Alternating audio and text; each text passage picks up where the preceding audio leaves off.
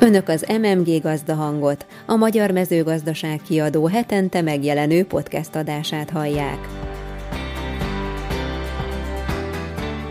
Minden héten szerdán jelentkezünk az elmúlt hét legfontosabb híreivel a mezőgazdaság területéről.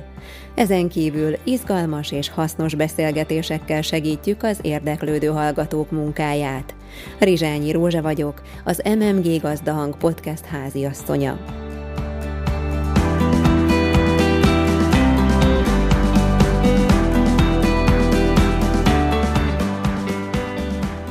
Mai adásunk tartalma. Az elmúlt hét legfontosabb hírei röviden. Multi, marketing és mezőgazdaság. Milyen az élet az agrármultiknál? Beszélgetés Hajnal Gáborral, a BASF Hungária Kft. marketing igazgatójával. A magyar mezőgazdaság.hu legérdekesebb hírei.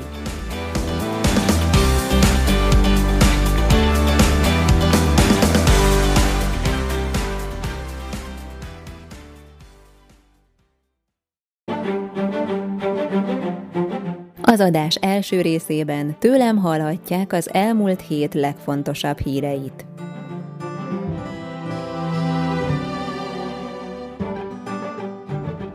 Egy kis ízelítő híreinkből. Szegeden van Közép-Európa legkorszerűbb lucerna feldolgozó üzeme.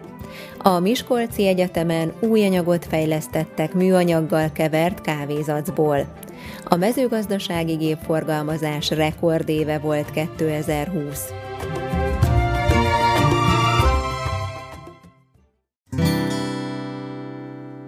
Szegeden van Közép-Európa legkorszerűbb lucerna feldolgozó üzeme.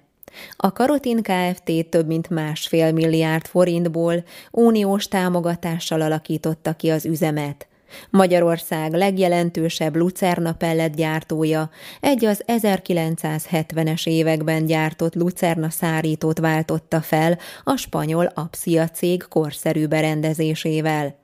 A fejlesztés eredményeként csak nem megduplázódik, éves szinten 15-20 ezer tonnára nő az üzem kapacitása. A vállalkozás lucerna pellet mellett már dehidratált lucerna bála előállítására is képes, amelyre jelentős a kereslet a közel-keleten és Kínában. A mezőgazdasági gépforgalmazás rekordéve volt 2020. Az értékesített gépek alkatrészek értéke elérte a 256 milliárd forintot.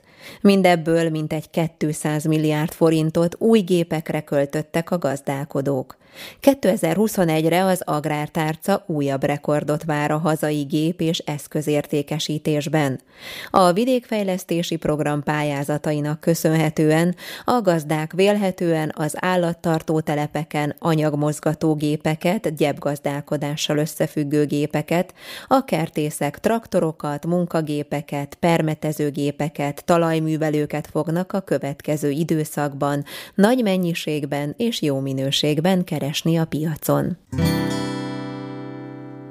A horgász etetőanyagok nem befolyásolják érdemben a Balaton víz minőségét. Mindez a Balatoni Limnológiai Kutatóintézet, valamint a Halgazdálkodási Társaság közös kutatásából derült ki. Ebben egyebek mellett azt vizsgálták, hogy a horgászok etetőanyagainak szerepe lehetette a 2019-es balatoni algavirágzásban. Megállapították, hogy a horgászat becsült hozzájárulása a Balaton algásodásért felelős foszforterheléshez csekély 2,9%-ra tehető. Ha a jövőben számottevően romlana a hallgazdálkodásnak a tó foszfor mérlegére gyakorolt hatása, többféle intézkedést is be tudnak vezetni. Köztük az etetőanyag mennyiségének és összetételének szabályozását, de ez jelenleg nem indokolt. Megnyitott a Szegedi Tudományegyetem megújult füvészkertje. Az elmúlt hónapok kényszerű zárvatartása alatt jelentős fejlesztések zajlottak le. Egy multifunkcionális épülettel, újra aszfaltozott utakkal, felfrissített japánkerttel, azon belül egy új torikapuval és egy megújult rendszertani gyűjteménnyel lett gazdagabb a botanikus kert. A beruházás költsége mintegy 80 millió forint volt. A bejárathoz felhúzott új épületben a pénztár mellett egy büfé, két mosdó, valamint egy terasz is helyet kapott. Ez utóbbi különböző tematikára épülő kiállítások vagy a gyermekeknek szánt csoportos foglalkozások helyszínéül szolgál majd. Három éves program kezdődött a zöldség és gyümölcsfogyasztás népszerűsítésére. A magyar-francia-belga összefogással megvalósuló Európai Friss Csapat elnevezésű program hazánkban elsősorban a tizenéveseket, valamint a 30 és 50 év közötti szülőket szeretné elérni. Felmérési adatok is indokolják, hogy növelni kell a fogyasztást. Belföldön például zöldségből és gyümölcsből fejenként átlagosan csak 304 g fogy naponta, miközben az egészségügyi világszervezet ajánlása 400 g.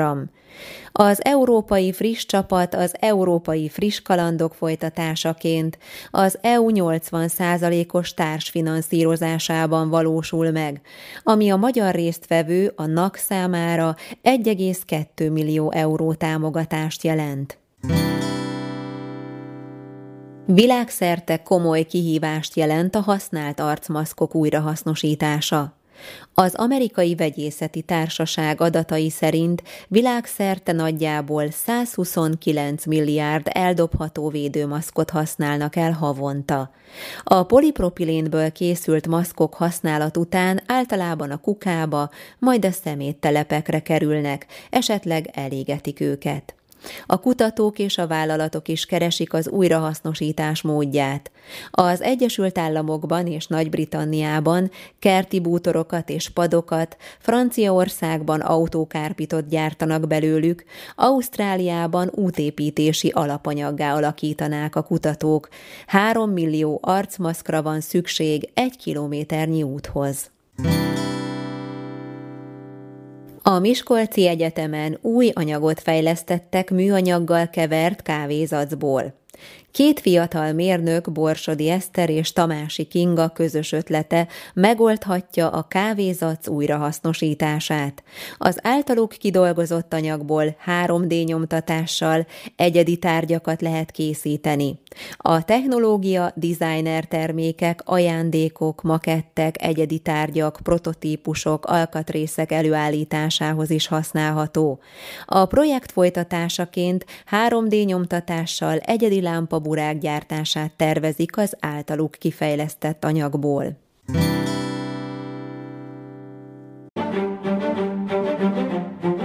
Hogyan került a L'Oreal-tól a British American Tobacco-n keresztül a BASF Hungária Kft. agrárdivíziójához Hajnal Gábor, a cég marketing igazgatója?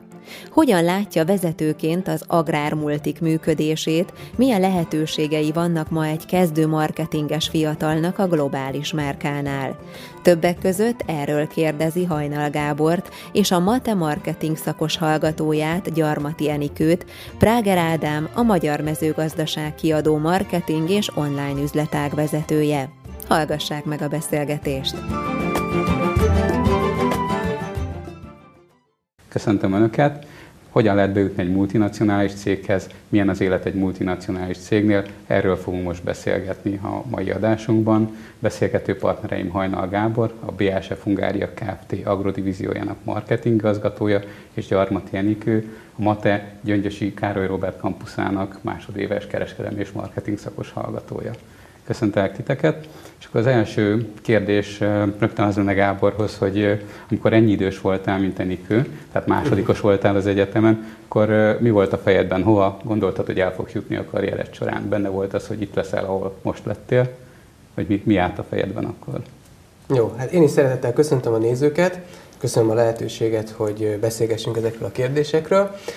Amikor én másodéves voltam az egyetemen, a, akkor én nagyon te voltam ambícióval, és az volt a tervem, hogy egy eh, multivállalatnál felsővezető leszek. Tehát ez, én ezzel a célral voltam ott az egyetemen, én akkor már úgy terveztem, hogy én mindenféleképpen akarok külföldön is, tanulni is, dolgozni is, és eh, nemzetközi karriert szeretnék befutni. Tehát akkor te elég pontosan tudtad, hogy hova, hova szeretnél, és Enikő, te most. Másodikosként vannak, vannak-e gondolatait fejedben, már tudod, hogy merre szeretnél menni, milyen területen, Hát igen, üdvözlöm a nézőket, köszönöm a meghívást. Igen, vannak elképzeléseim a jövőt illetően. Hát mindenképpen multinacionális cégnél szeretnék elsőnek elhelyezkedni. Úgy vélem, hogy az a tapasztalatnak a bölcsője. Tehát mind a nyelvtanulásnak a szempontjából, mind szakmai tapasztalatszerzés szempontjából. És marketing szakirányba haladnék, méghozzá PR-osként. Uh-huh. És Gábor, akkor, hogyha így végignézünk a karriereden, ugye talán az első és legnehezebb lépés az első jó munkáját megszerezni, hiszen akkor a második bekerült, talán a másodikat könnyebb második pozíciót összehozni, hogy hogy sikerült a L'Orealhoz bejutni, ugye ez volt az első munkáját, hiszen azért ez egy nagy név, tehát aki marketing területen dolgozik, egy ilyen céghez bejutni, azért az nem egy könnyű dolog. Az egyetemen kezdődött a történet, én ugye mondtam, hogy nemzetközi karriert szerettem volna befutni, ezért én jelentkeztem a SAMS programba, ez a Community of European Management Schools. Ez akkor még viszonylag gyerekcipőben járt, és európai kezdeményezés volt. Már a Financial Times rankingje szerint a világ második legjobb menedzsment képzése. Ennek keretében volt alkalmam külföldön tanulni, és ebben a külföldi képzésben volt marketing stratégia képzésünk angol nyelven, és ott voltak lorálos eset tanulmányok, és ennek keretében ismerkedtem meg a Lorál Magyarországi üzletág vezetőjével, és vele kezdtem el arról beszélgetni, hogy én szeretnék egy külföldi szakmai gyakorlatot magamnak, Ausztriában vagy Németországban, és így kezdődött a történet. Ezt külföldet többször említetted, Enikő, te elgondolkodsz abban, hogy tanulmányok során vagy később külföldre is menni egy időszakra, hosszabb időre? Mm, hát ugye ez cégtől függ, tehát hogyha kiküldetés lenne, akkor mindenképpen szeretném, tehát úgy gondolom, hogy az is nagy tapasztalatszerzés. De inkább itthoni terepen mozognék. Uh-huh. Jó. És bekerült a L'Orealhoz, azért a L'Oreal alapvetően termékek szintjén inkább nőies cégnek tűnik elsőre, hogy milyen volt fiúként bekerülni és női kollégákkal női termékeken dolgozni. Hát nagyon izgalmas, valóban az elején furcsa volt. Azt azért tudni kell, hogy a Loránál belépő szinten valóban nagyon sok lány vagy nő dolgozik, viszont ahogy az ember halad elő a ranglétrán, egyre férfiasodik a cég, mondjuk így, és valójában egy meglehetősen maszkulin és nagyon erősen teljesítményorientált kultúra, úgyhogy ilyeténképpen nem volt nehéz vele azonosulni. Uh-huh. És Enikő, te tudod, hogy milyen területen szeretnél dolgozni, vagy milyen típusú multinacionális cégnél dolgoznál? Hát uh, igazából konkrét elképzelésem nincs, uh, viszont jelenleg gyakornoki program keretében a B. Braun gyöngyösi gyárban dolgozok, és um, uh, tetszik, az, az, az, tehát az ottani munka, az tetszik. Uh-huh. Így elképzelhető, hogy hosszabb távon ott fogok maradni az iskola elvégeztével. Uh-huh. És uh, Loránál sok időt töltöttél, milyen volt, és hogyan sikerült előre haladni a ranglétrán? Igen, tíz évet töltöttem ott. A mai napig azt gondolom, hogy a Lorál az egy talán vagy az legjobb, vagy a, de a legjobbak között van mindenféleképpen, mint marketingiskola. Tehát ezt mindenkinek tudom ajánlani, hogy ott eszméletlenül sokat lehet tanulni, természetesen nagyon sokat is kell dolgozni. Tehát ebben a kultúrában sok munka elnyeri a méltó jutalmát, és ennek eredményeképpen tudtam előre haladni a ranglétrán. Lettem először csoportvezető, aztán marketingigazgató Magyarországon, aztán volt egy nagyon sikeres termékbevezetés egy teljesen új kategóriába. Ennek eredményeképpen volt lehetőségem kijutni Németországba, hogy elindítsam a nemzetközi karriert, és utána Németországból tudtam átmenni Prágába, és alakítottam ki egy régiós marketing szervezetet Csehországra, Szlovákiára és Magyarországra, és ennek voltam én a marketing igazgatója. Milyen érzés volt külföldön dolgozni, és Magyarországot egy országnak látni a, többi régiós országgal együtt? A, az egész ö, L'Oreal nekem arról szólt, hogy az ember kicsit függetlenítse magát attól, amit csinál. Tehát, hogy a személyes érzelmeit annyira ne vigye bele. Úgyhogy a, amikor hölgy kollégákkal dolgoztam, akkor is mindig azt kellett nekik mondani, hogy értem, hogy neked mik a személyes preferenciáid, de ettől vonatkoztassunk el, és tényleg fókuszáljunk a piackutatási eredményekre, és ne hagyjuk magunkat a személyes megérzéseinkkel félrevezetni.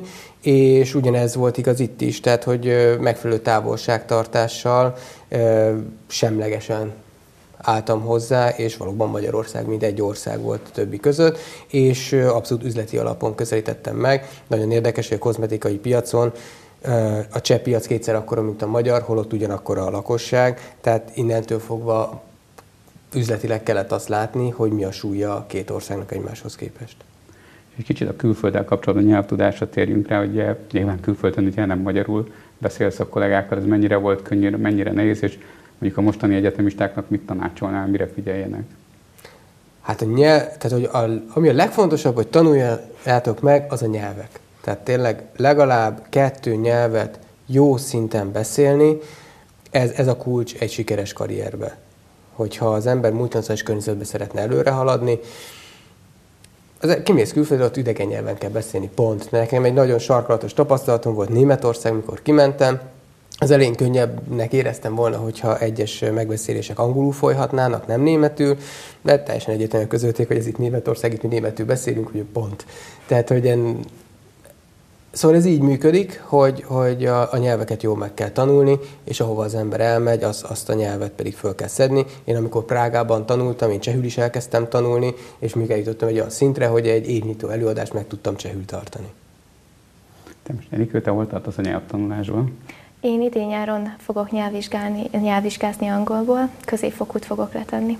Uh-huh. És hát megy, megyeget. Igyekszem tanulni, igyekszem gyűjteni a tudást mindenhonnan.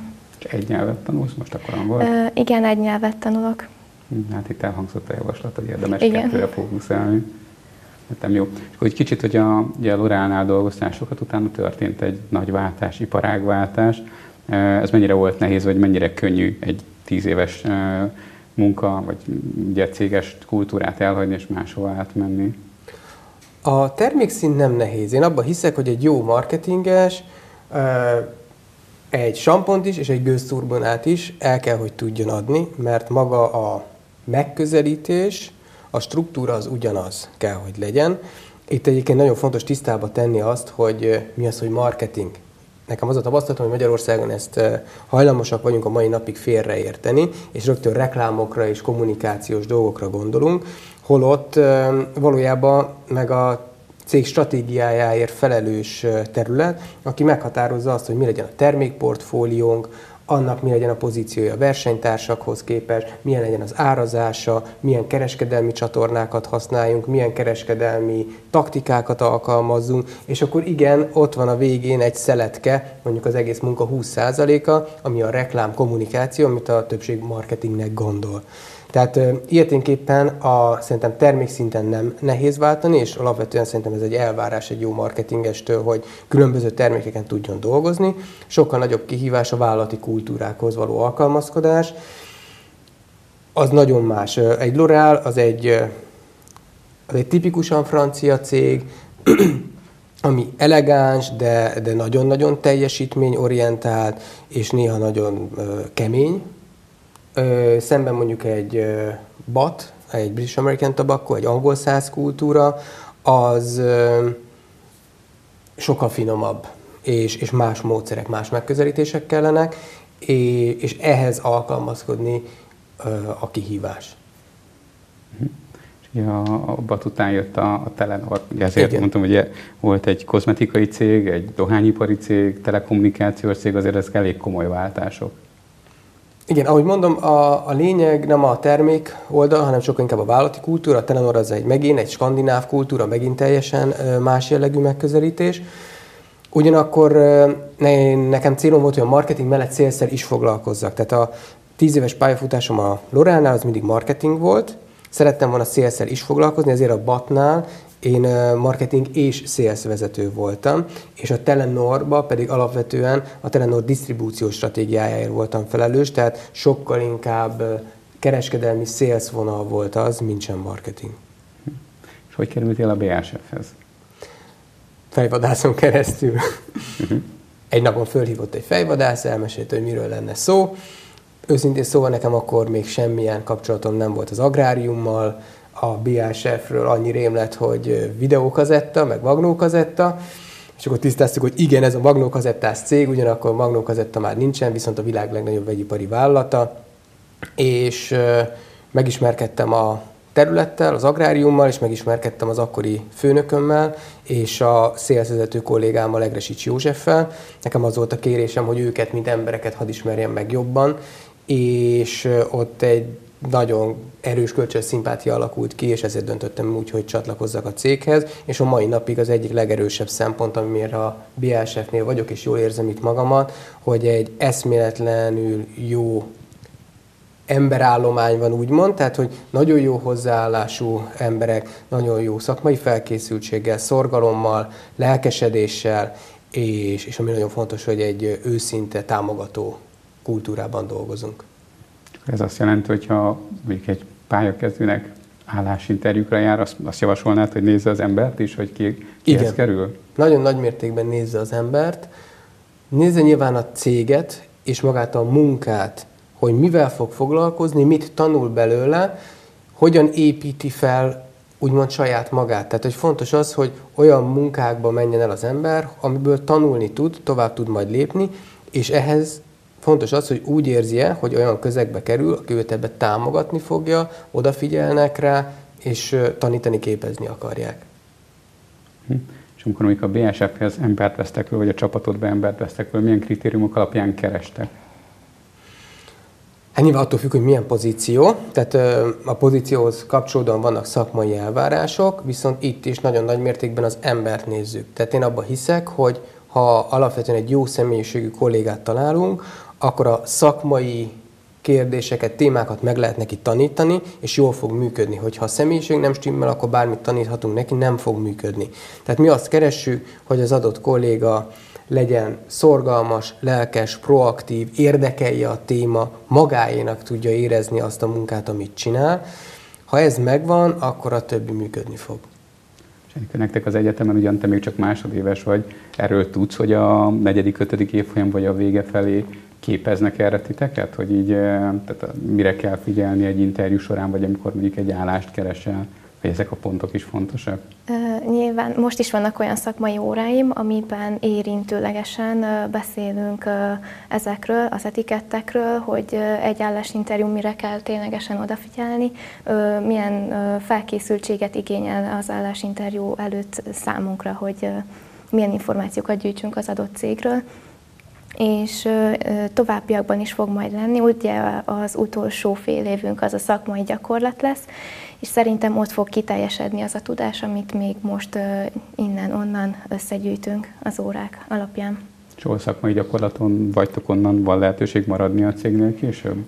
Szerintem igen, van rá esély. Nyilván, ahogy mondták, beszéltük az előbb, hogy személyiségfüggő és munkafüggő is. Tehát, hogy mi hogy fogunk majd állni a munkához, és milyen lesz a környezet, ahol dolgozni fogunk. A csapatmunka szerintem egy multinacionális cégnél az nagyon fontos, hogy meglegyen ez a kapocs, ez a nyitottság az újdonságra. Ez feltétlenül, tehát ezt, ezt én is vissza tudom igazolni, hogy ez nagyon fontos. Ugyanakkor tényleg, amikor bekül egy gyakornok, akkor mi a lelkesedését szeretnénk látni. Tehát, hogy, hogy tényleg ő úgy tekint erre, hogy ez egy lehetőség, hogy tanuljon és megmutassa magát, és, és egyszerűen akarja. És ha azt látjuk, hogy akarja, akkor az e, általában működni szokott, és e, nekem az elmúlt két évből, inkább három évből van jelenleg öt kollégám a, a cégbe, akik a, az én csapatomban voltak gyakornokok, és most állandósított munkavállalók, és ami abszolút közös mind az ötükben, hogy lelkesek voltak, szorgalmasak, és akartak a BSF-nél dolgozni, és ezért mindent meg is tettek. Tegyük fel, hogy feladtok egy álláshirdetést, hogy elkezdtek keresni egy pozíció akit Enikő végez, mi, milyen folyamaton kell neki végigmennie, míg megkapja a kis asztalát a marketing csapatban? Hát ugye jelentkezik vagy, a, vagy egy professionen keresztül, vagy a saját honlapunkon keresztül. Először az önéletrajzok kerülnek megszűrésre, Ezt tipikusan a, HR végzi ezt a, a munkát első körben, de konzultál nyilván a vezetővel is. Amikor ez megvolt, akkor van egy shortlist, úgymond, 5-6 ember, akivel el szeretnénk beszélgetni, és akkor lesz egy beszélgetés HR-rel és velem, utána, hogyha ez, ez jól sikerül, akkor a, a főnököm is bevonásra kerül, majd jellemzően szoktunk szakmai feladatot adni, tehát megküldjünk e-mailben egy esettanulmányt, kap a jelentkező egy-két hetet, és utána eljön hozzánk, és bemutatja, hogy ő ezt az üzleti kérdést hogyan oldaná meg, és általában ez szokott úgymond perdöntő lenni, hogy, hogy itt milyen megközelítést, hozzáállást látunk, és az alapján szoktunk dönteni a jelöltről. Ugyanakkor itt is nagyon fontos nyelvtudás, tehát ez, például ez az esettanulmány mindig idegen nyelven van, pontosan azért lássuk, hogy üzleti környezetben a nyelven hogyan boldogul a jelentkező. Őszinte leszek, én nem szoktam nézegetni, hogy kinek milyen nyelvvizsgája, milyen papírja van, csak és kizárólag ugye a való életbe tesztelni, hogy hogyan működik. És ugye nyilván a szakmai tapasztalatra rá lehet kérdezni a személyiséget, azt hogyan vizsgáljátok itt pár óra alatt, ugye pár találkozás alatt el kell tudni valakiről dönteni, hogy meg fog-e felelni, bepasszol-e a csapatba, ezt hogyan próbáljátok szűrni vagy nézni? Őszinte leszek, ezek emberi személyes benyomások, tehát nem alkalmazunk ilyen szofisztikált személyiség kérdőíveket, stb. Ez a működik a, ugye, we create chemistry, tehát hogy működik a kémia, vagy nem működik a kémia, ezt az én tapasztalatom szerint egy-két találkozásban az ember érzi. Uh-huh. Elküldte ide a gyakorlat, vagy a helyre, ahol most ugye vagy, ide most uh, interjúkon keresztül jutottál be, vagy Igen. ajánlott valaki? Uh, interjúkon keresztül, úgy elsőnek a fürgediáknál jelentkeztem, majd készítettem egy önéletrajzot, amit leadtam, és utána körülbelül egy hét múlva értesítettek, hogy fáradjak be egy interjúra. És milyen volt? Ez volt életem első interjúra, kicsit izgultam, de meglepett, mert nagyon jól sikerült. Nagyon jó HRS-sel, HR-es interjúztatott meg, ott volt a főnököm is, a mostani főnököm, és nagyon, nagyon jól sikerült. Tehát próbáltak egy barátságosabb környezetet teremteni, ugyan látták rajtam is, hogy még fiatalka vagyok, de jól, jól sikerült. Voltak benne meglepő pillanatok, hogy váratlan dolgok, vagy úgy ment végig, hogy te előre elgondoltad? Mm, volt egy-két kérdés, ami meglepett, ami nem konkrétan a tanulmányaimra és a jövőbeni terveimre vonatkozott, de arra is sikerült választ adni, uh-huh. kielégítő választ. És végigment az interjú, és akkor utána mi történt? Miután végigment az interjú, két nap múlva kaptam egy orientációs programot, amiben részt kellett vegyek. Ez egy betanítási időszak volt. Az alapvető dolgokat, tűzvédelmi és az ilyen dolgokat tanították meg nekünk. Majd ezután jött a külön orientációs program, amikor már a, a még területre jelentkeztünk, ott kezdődtek el a tanítások. Uh-huh és uh, szeretnél is itt dolgozni, tehát hogyha véget ér az egyetem, mondtad, akár az is lehet itt folytatni. Igen, igen, szeretnék itt dolgozni. Összeszoktunk a csapattal, megvan már az a kis légkör, amiben mozgunk, és úgy gondolom, hogy ez hosszú távon számomra kifizetődő lenne. Hm. Gábor, hozzád annyi kérdés, hogy az egyetem alatt az ember sok mindent tanul elméletben, olyat is, amit valószínűleg sokszor nem használ, hogy mennyire készítettek fel a munkára, tehát gyakorlati tudást mennyire kaptál, vagy így teljesen váratlanul ért minden, ami a L'Orealnál történt? Mm, mivel én részt vettem ebben a programban, amit említettem, és ugye én az utolsó két évet az egyetemen egy speciális angol nyelvű képzésben töltöttem, ott olyan nemzetközi szellemiségű oktatás zajlott, amiben az esettanulmányok játszották a legnagyobb szerepet, és ilyeténképpen ez egy jó felkészülés volt. Tehát esettanulmányokon keresztül nagyon jó üzleti helyzeteket lehetett szimulálni, és ez nagyon passzolt ahhoz, ami később a munkám volt. Tehát nem volt nagy meglepetés. Kicsit a jövőről, még tíz év múlva mit szeretnél csinálni?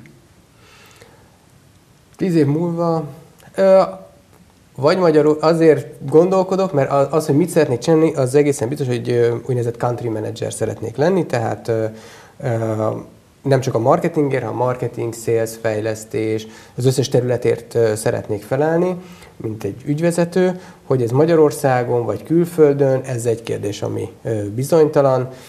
Tíz év múlva már elég nagyok a gyerekeim ahhoz, hogy talán ez már inkább külföld.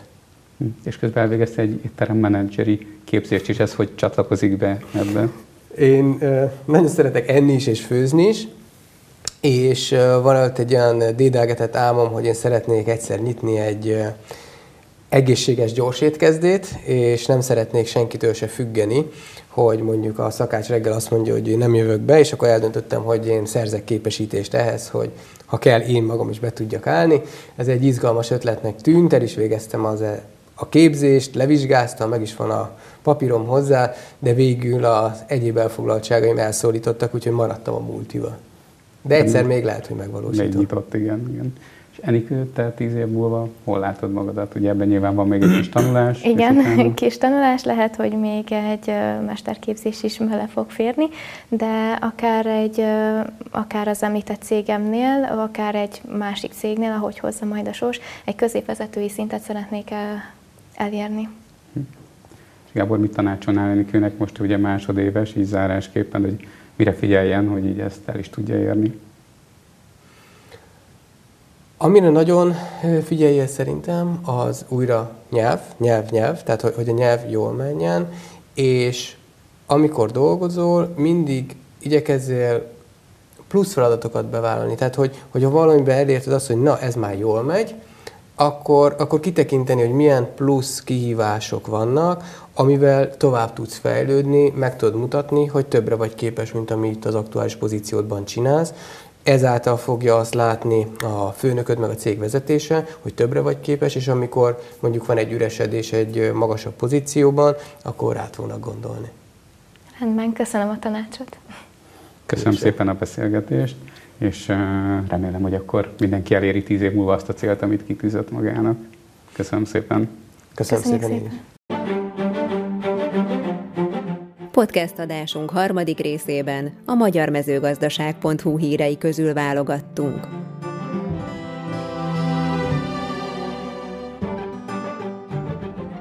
Egy kis ízelítő híreinkből. Hiúz és medve került lencse végre a bőrzsönyben.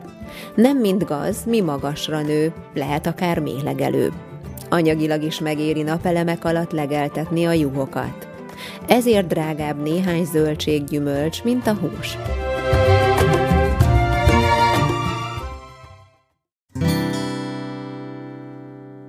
Hiúz és medve került lencse végre a bőrzsönyben. Április közepén a bőrzsönyben vadkamera rögzített egy hiúzt a hóesésben. Valamivel később, május elején pedig medve került lencse végre, szintén ebben a hegységben.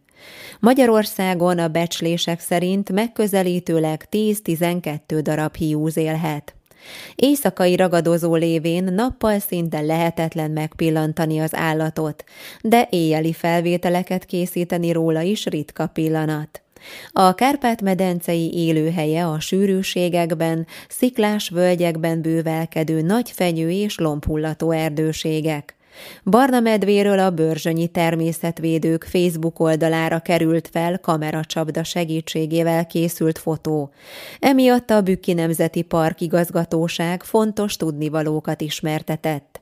Szerencsés elkerülni a sűrű, átláthatatlan bozótosokat, csöndben nem ajánlott sétálni, és ha mégis medvével sodorna össze minket a sors, semmi esetre se próbáljuk meg elzavarni, ne nézzünk a szemébe, ne fordítsunk neki hátat, és elfutni sem ajánlatos, mert biztos, hogy az állat utolér minket.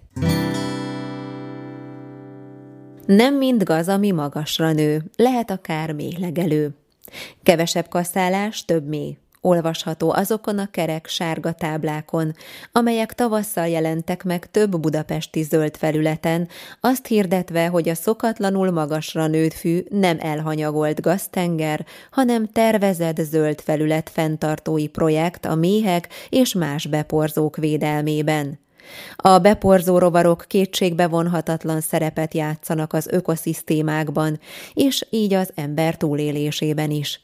Ennek szellemében az idei kísérleti évben olyan foltokat jelöltek ki a Főkert Fővárosi Kertészeti Nonprofit ZRT munkatársai, ahol a szokásos 5 hét kaszálás helyett csak egyszer-háromszor fogják lenyírni a füvet.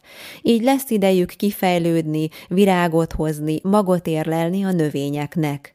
Egyelőre több mint 28 hektárnyi területet vontak be a programba, ezek nagyrészt az első, a harmadik, a kilencedik és a tizenegyedik kerületben, valamint a Margit szigeten találhatók. A főkert arra kéri az érintett területeken közlekedőket, hogy amikorra a növényzet magasabbra nő, ne járják össze a területet és ne tépjék le a virágokat. Anyagilag is megéri napelemek alatt legeltetni a juhokat.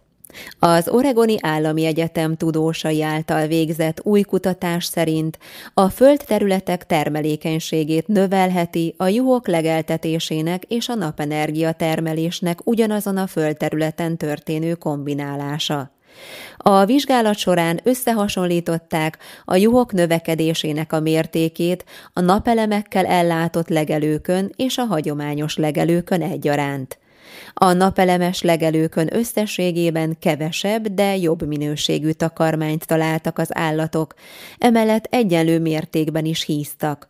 Ugyanakkor a napenergiával történő energiatermelés növelte a legelő termelékenységét is. A napelemek állatjóléti szempontok szerint is kedvezőek, mivel árnyékot biztosítanak a juhoknak. Korábbi kutatások során azt is megállapították, hogy egyes növények, különösen az árnyékot kedvelő fajtáknak nagyobb a terméshozama a napelemekkel kombinálva. Ezért drágább néhány zöldséggyümölcs, mint a hús. Érdekes átrendeződés figyelhető meg a mezőgazdasági termékek árában. Régen alapvető volt, hogy a növényi termék olcsóbb, mint az állati alapú termék. Ez a trend megfordulni látszik. A zöldségek gyümölcsök magasára bizonyos szempontból érthető. A fűtött üvegházi növényeknek nagyobb a termelési önköltsége, a helyenként vagy részben elfagyott és kevesebbet termő gyümölcsöknek magasabb lesz az áruk, hiszen kisebb a mennyiség belőlük a piacon. Hunyadi István a Fruitweb Magyar Zöldség Gyümölcs Szakmaközi Szervezet és Terméktanács ügyvezető igazgatója elmondta – a piackutatási adatok alapján az látszik, hogy a zöldséggyümölcs vásárolt mennyiségében folyamatos csökkenés figyelhető meg az utóbbi években. Egyre kevesebbet vesznek a fogyasztók, igaz, hogy a ráfordításban növekedés látszik, ami egyértelműen az áremelkedés jele, ami visszacsatol a kisebb vásárolt mennyiségekre. Ez a 22-es csapdája. A szakember hangsúlyozta, a kertészeti termékek termelési költségei folyamatosan növekednek, ennek ellenére a termelői árakban nem feltétlenül tapasztalható növekedés. De a termelők kényszerhelyzetben vannak, a romlandó terméket el kell adni, és ezt jól tudja a másik oldal is. A modern, nagyüzemi körülmények között a hústermelés igen költséghatékonyan tud működni, és a támogatási rendszer is valószínűleg jobban kedvez ennek, mondta Hunyadi István.